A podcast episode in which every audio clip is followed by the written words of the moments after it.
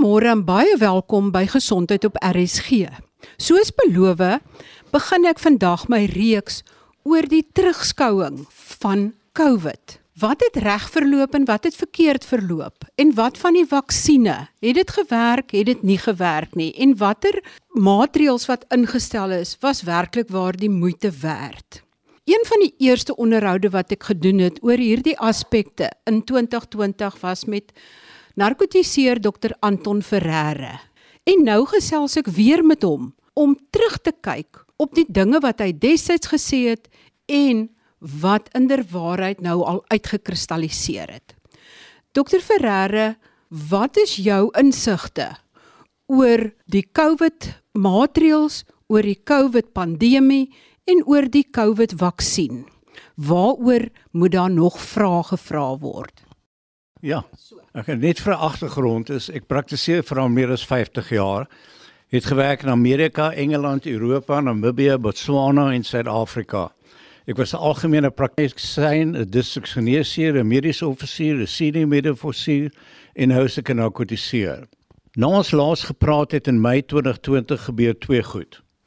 My vrou Dr. Susan Fortsloo word deur die Health Professional Council van Suid-Afrika aangekla omdat sy inligting oor die sogenaamde virus en die behandeling daarvan met vriende deel op hulle versoek. Dis 'n privaat gesprek op Zoom. Hulle is nie haar pasiënte nie en sy gee ook nie advies nie die vergadering op een of ander manier beland op die sosiale media en veroorsaak 'n storm. Die tweede ding wat gebeur is ons volg nog altyd die riglyne van die CDC, die Center of Disease Control en die FDA in Amerika in medisyne. Gedurende die pandemie het die frontline doctors in Amerika geleide Dr. Gould voorgestel as behandeling vir corona hydroxychloroquine en Dr. Paul Merrick van Suid-Afrika nogal stel voor Ivermectin en Dr. Corey doen 'n voorlegging vir die Senaat vir die gebruik van Ivermectin. Hulle vorm toe die Frontline Corona 19 Critical Care Alliance. Die CDC sê hydroxychloroquine is te gevaarlik en die FDA sê Ivermectin is 'n paramedisyne. Albei van hierdie medisyne is op die lys van essensiële medisyne van die Wêreldgesondheidsorganisasie Albei is antiviraal en albei is baie veilig. Hydroxychloroquine word gebruik vir malaria en ivermectin vir river blindness, elephantiasis en Zika. Die ontwikkelaars van ivermectin ontvang die Nobelprys. En ek persoonlik het baie ondervinding met chloroquine. As daar behandeling vir 'n siekte bestaan, kan jy nie 'n vaksine toedien nie. Soos een van ons ministers gesê het, connect the dots. Om antwoorde te kry, moet ek soos Alice in Wonderland go down the rabbit hole. En dit is wat ek gevind het. Disinformasie en misinformasie. Die eerste stelling is it's a novel and deadly virus. Die virus word geïsoleer in 1965. In 1967 word daar gevind die virus kan gemanipuleer word. Dit het dan nie meer 'n natuurlike oorsprong nie en word dan 'n chimera genoem. 'n Patent kan toegedien word vir 'n chimera, maar nie vir 'n natuurlike virus nie. 1990 Pfizer doen aansoek vir 'n patent vir 'n spike protein vaccine against coronavirus. Dit is vir gastroenteritis in hondjies en varkies en blykbaar werk dit nie baie goed nie. In 2002 die Universiteit van Chapel Hill, North Carolina patenteer dis bietjie van 'n mondvol an infectious replication defective clone of coronavirus. Dit word verduidelik in aanhalings a weapon that targets an individual but has no collateral damage to the other individuals. 2003 die CDC doen aansoek vir 'n patent vir die corona chimera of hulle noem dit die virus. Dit word twee keer afgekeur maar toegestaan op die ou einde in 2007. Die manipulasie van 'n virus om dit meer patogenies of infektief te maak word genoem gain of function. Dit is gevaarlik en die Obama regering verbied dit. 2014 Dr Ralph Barrick van Chapel Hill, North Carolina, kry kwytstelling deur die National Institute of Health van Dr Fauci van hierdie moratorium. Dr Barrick nader DARPA. DARPA is die biologiese arm van die Amerikaanse weermag vir befondsing. Dit word afgekeur en hy wend op na Dr Fauci wat met die hulp van Dr Peter Daszak se Eco Health Alliance die navorsingsprogram en die befondsing oorplaas na die Wuhan Institute of Virology. 2015, Dr. Houtes, 'n groot voorstander van die pandemie, kry luister mooi daarna 'n biodefense grant van die National Institute of Health om met sy kollega Dr. Jans van Fudan Universiteit te werk op SARS-CoV-2. Verskyn skaarstowwe nie van 'n vleermuis uit 'n wet market in Wuhan in Desember 2019 nie. 2016 'n artikel word gepubliseer deur die Proceedings of Natural Scientists wat sê SARS coronavirus is poised for human emergence. Hulle noem dit WIV1 the Wuhan Institute of Virology Virus 1. Dr. Daszak sê die volgende en dis die regte ware mond vol. Until an infectious disease crisis is very real and at the emergency threshold, it is often largely ignored. To sustain the funding base beyond the crisis, we need to increase the public understanding for the need of countermeasures such as a pan influenza or pan corona virus vaccine. A keen driver is the media, and the economics will follow the hype. We need to use the hype to our advantage to get to the real issues. And hier kom die ponslyn. Investors will respond if they see profit at the end of the process. En hoe reg was hy nie? Bill Gates koop 50 miljoen dollar se biotech aandele 2 dae voor die pandemie verklaar word en hy verkoop dit hierdie jaar vir 550 miljoen dollars. April 2019 Moderna notifieer vir 'n vaksin onder andere omdat there is going to be an accidental or intentional release of a respiratory pathogen. Hulle wil nou 'n vaksin maak vir 'n patogeen wat kampstig nie bestaan nie. Hierdie inligting is verkry van Dr David Martin se voorlegging met verwysings voor die Europese Parlement in 2023. Ook as gevolg van die ondervraging van die vorige hoof van die CDC Dr Redfield, die meneer Jordan van die Senaat of die Huis van Teenwoordiges, ek is nie seker nie, en ook van Dr Pieter McCullough. Dis nie 'n virus nie en dit is nie novel nie. Die natuurlike coronavirus veroorsaak verkoue, griep en maagkoors. Die wetenskap het die natuur geskaap in 1967. Die tweede stelling wat jy bevraagteken is dat die virus dodelik is. Die stel van mense met COVID is 99.97%. Professor Ioannidis van Stanford University sê vroeg die IFR wat die infective fatality rate is, is baie na aan die jaarlikste griep. Professor Michael Levitt, Suid-Afrika se Nobel laureate van Stanford sê ook die pandemie word oordryf en hy was in China gedurende die uitbreek daarvan. Pandemic Data and Analytics Panda begin deur Nick Hudson en wat 'n aktuaris is, se ontleding weerspieël in baie gematigde pandemie. Sy voorspelling op die ou end is uit met 1%. Die placebo te Diamond Prince wat onder kwartyn was, wys dat 'n siekte van ouer mense is en kinders is vryspring. Die gemiddelde ouderdom van mense wat sterf van COVID in Engeland is 84 jaar. Wat is die all-cause mortality in Suid-Afrika? Dis oorsaak van dood van enige redes. In 2010 was dit 12.5 mense per 1000.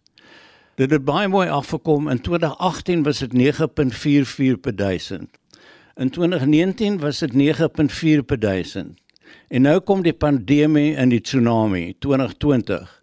Dit is 9.38 per 1000. Almal wat binne 30 dae of selfs langer van die COVID positief is dood is, is gelys as 'n COVID dood ongeag van die werklike oorsaak van dood. Die CDC moet erken dat net 6% van COVID sterftes plaasvind in pasiënte sonder 'n komorbiditeit. Hulle het geen rekord van kinders wat net van COVID gesterf het nie. Mense gaan dood soos met griep, maar ek sou dit nie 'n deadly virus noem nie en vir kinders is dit minder gevaarlik as gewone griep. Dokter Ferreira, wat is jou reaksie op die stelling dat die vaksin veilig is? In 1986 was daar soveel eise in Amerika teen die vervaardigers van 'n vaksines dat die industrie gedreig het om vervaardiging te staak. Wyeth het blykbaar die regering genader om indemniteit te kry wat hulle wel gekry het. Jy kan nie die vervaardiger aanspreeklik hou vir enige neeweffekte nie. Blykbaar wou president Reagan weet why don't you make vaccines safe? En die antwoord was because vaccines are unavoidably unsafe. Die FDA se skyfie 16 of dit mag 17 wees, is nie seker nie, van Oktober 2020 lys 30 moontlike neeweffekte waarvan een van die dood is. Dit is voor die vrystelling van die inenting. Pfizer se dokumente wat hulle vir meer as 50 jaar probeer verberg het, lys 39 bladsye van moontlike neeweffekte. Dit word geopenbaar na hofsaak van 2 jaar. Vaccine Adverse Effects Reporting System VAERS het meer as 30000 moontlike sterftes as gevolg van die inspuiting en meer as 2 miljoen gelyste neeweffekte. Harvard Universiteit in 2010 sê net 1% van die neeweffekte word aangemeld. 'n Huidige analise van die WES-stelsel sê hierdie getal op WES behoort met 40.6 keer vermenigvuldig te word. Myocarditis word nou erken as 'n neeweffek. 'n Dokument op die Wêreldgesondheidsorganisasie webwerf assosieer die inenting met moontlike multiple sclerosis. Die all-cause mortality in Engeland en Wales is op met amper 20%.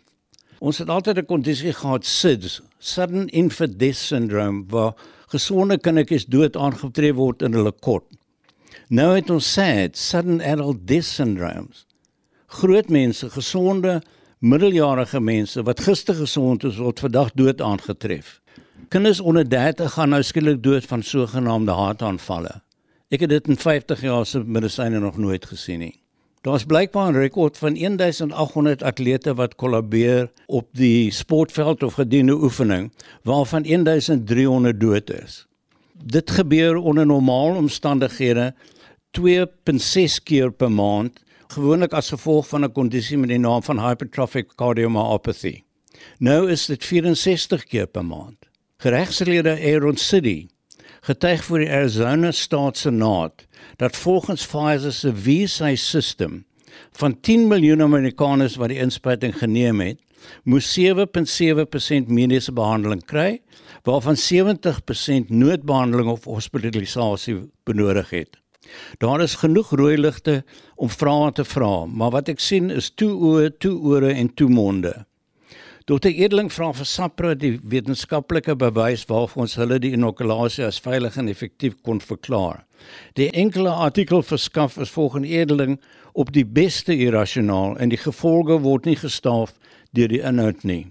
Dit is nie veilig nie. Om 'n voorbeeld te gee, die rotavirus vaksines word onttrek na ek dink 12 kinders in suscepsie ontwikkel het. Ek gesels nou verder met dokter Anton Ferreira, 'n Kaapstadse narkotiseer wat dit sy missie gemaak het om meer uit te vind oor COVID, die COVID-vaksin en die inperking. En dit is die eerste in 'n kort reeks wat ons terugskouend kyk na COVID en na verskillende menings gaan luister. Dokter Ferreira, is die stelling korrek dat die vaksin doeltreffend is? 'n Vaksin moet infeksie en verspreiding voorkom. Die CDC moes erken dat die inspuiting dit nie doen nie. En ek kon nog geen bewys kry dat dit hospitalisasie of dood voorkom nie. Pfizer moes voor die Europese Parlement erken dat hulle nie eens navorsing gedoen het om vas te stel of dit die verspreiding verhoed nie. Volgens professor Edward Steele van Australië is die eerste linie van verdediging the secretory IgA antibody in die slijmvlies van die asemhalende darmkanaal. Hierdie liggaampies word gevorm na natuurlike blootstelling aan die patogeen in die lugweë in die darmkanaal. Volgens hom word hierdie proses totaal omseil deur die inspuiting in die arm te gee en die vaksines sê hy kan nie werk nie. The absolute effectiveness is 0.86%. Dit vir 'n siekte met 'n 99.97 persentasie herstel en 'n 7.7% kans om neeweffekte te kry. Volgens my is dit nie effektief nie.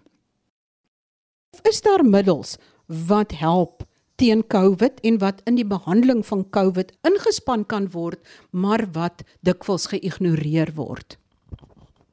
Ons het klaar verwys na die aanbevelings van Dr. Gould, Dr. Merrick en Dr. Corey.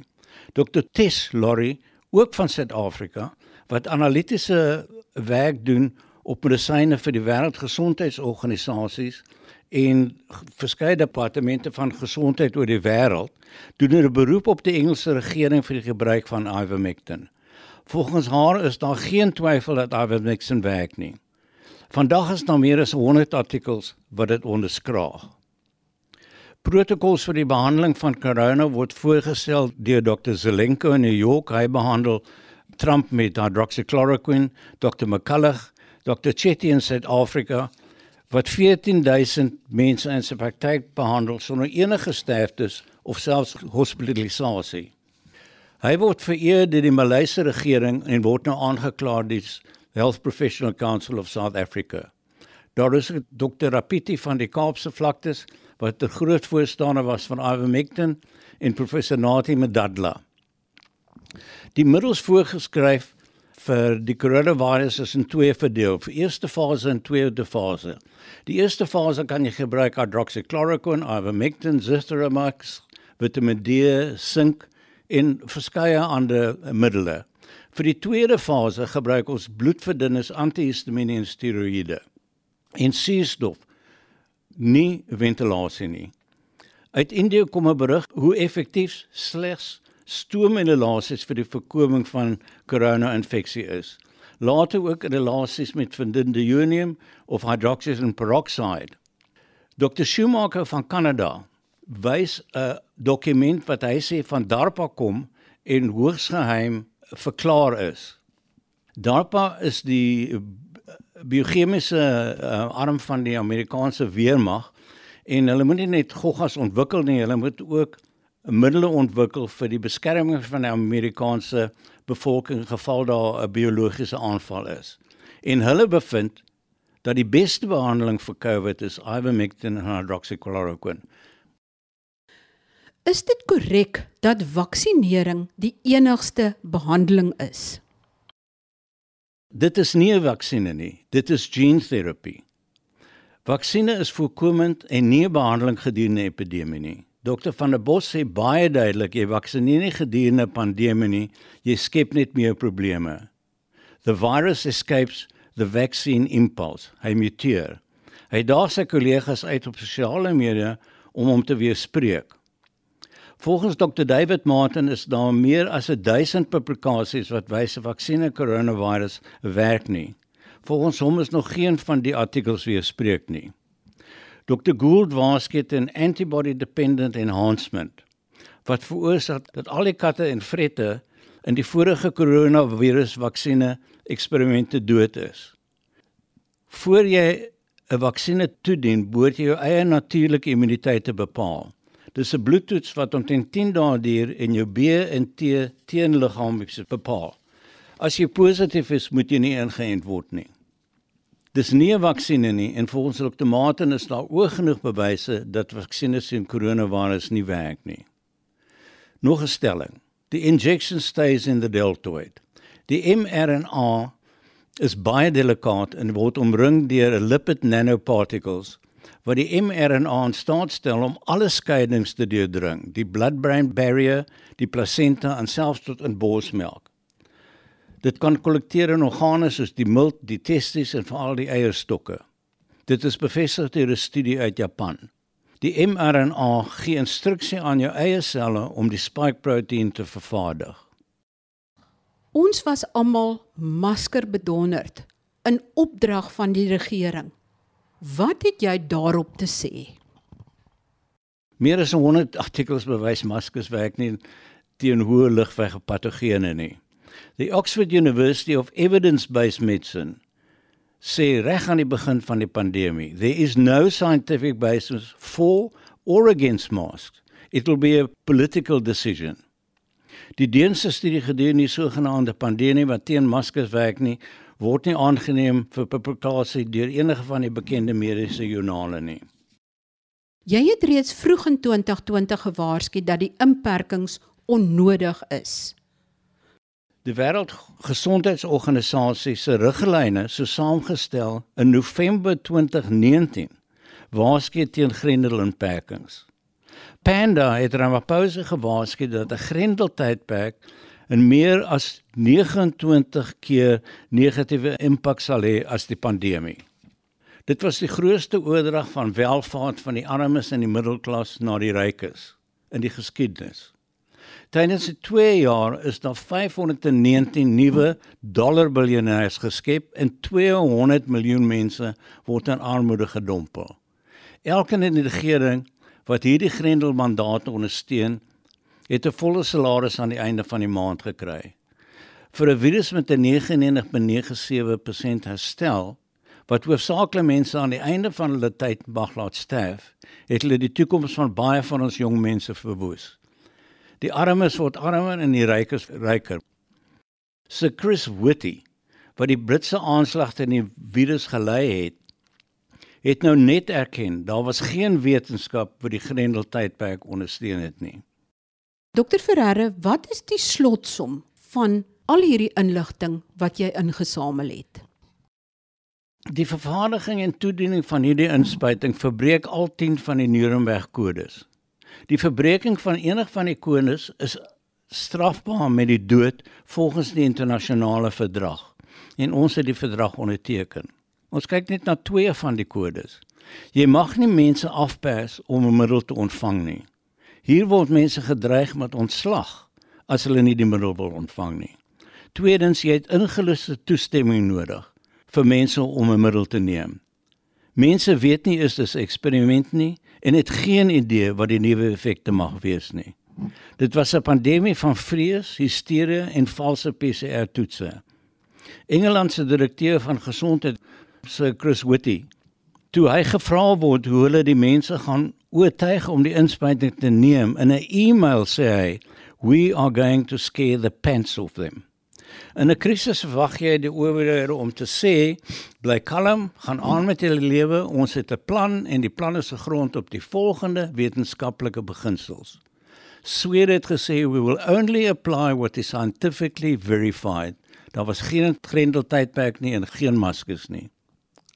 Vir maande waarsku die politici, bureaukrate en akademie ons dat die spike protein so gevaarlik is dat ons ons moet toesluit.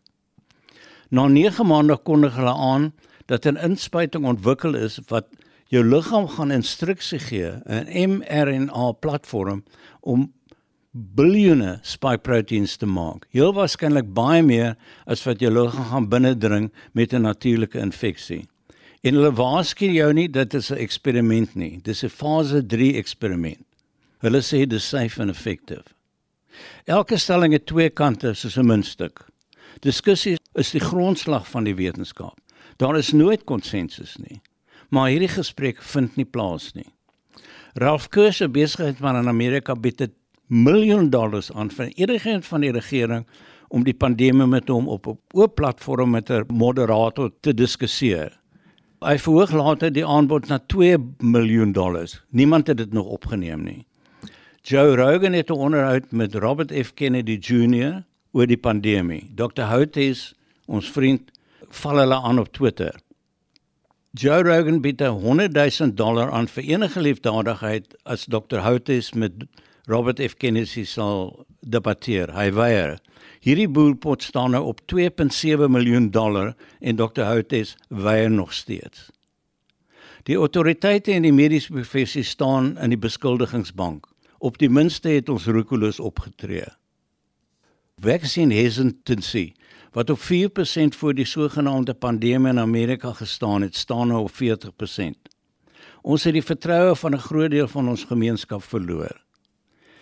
En die vraag nou is hoekom weet ons so min daarvan? want mediese joernale is totaal afhanklik van die farmaseutiese industrie en in Amerika is TV-stasies se inkomste 70% van dieselfde industrie afhanklik. Hulle kan nie onafhanklik optree nie. Dis dit. Dokter Ferreira, debat is baie nodig en 'n dokter wat 'n ander mening het as ander dokters, moet na geluister word. Dit moenie eenkant toe geskop word nie, want dit is hoe die kennis van geneeskunde vooruitgang. Dit is ondersoekend en dit is dinamies. Maar dit het nie eintlik gebeur nie. Dit het definitief gebeur nie. Ten spyte van die 2 miljoen dollars wat er afkurs aangebied het, net om 'n gesprek aan die gang te kry, dit gebeur net nie. Hulle is nie bereid om te praat nie. Dokter Ferreira, as jy alles in 'n enkele boodskap moet opsom, wat sal daai enkele boodskap wees wat jy wil oordra in hierdie gesprek? Ek dink dit wat die pandemie met sy vrees en hysterie vir ons geleer het, is dat ons het so bang geword van die vir die dood dat ons vandag te bang is om te lewe. Baie dankie aan my gas vandag, Dr Anton Ferreira, 'n bekende Kaapstadse narkotiseer wat baie navorsing gedoen het om meer inligting in te win oor die COVID virus, die vaksin, die inperking, die hele hantering van die pandemie. Verdere episodes in hierdie kort reeks sal ek binnekort aankondig. Tot volgende week dan. Baie groete van my, Marie Hudson.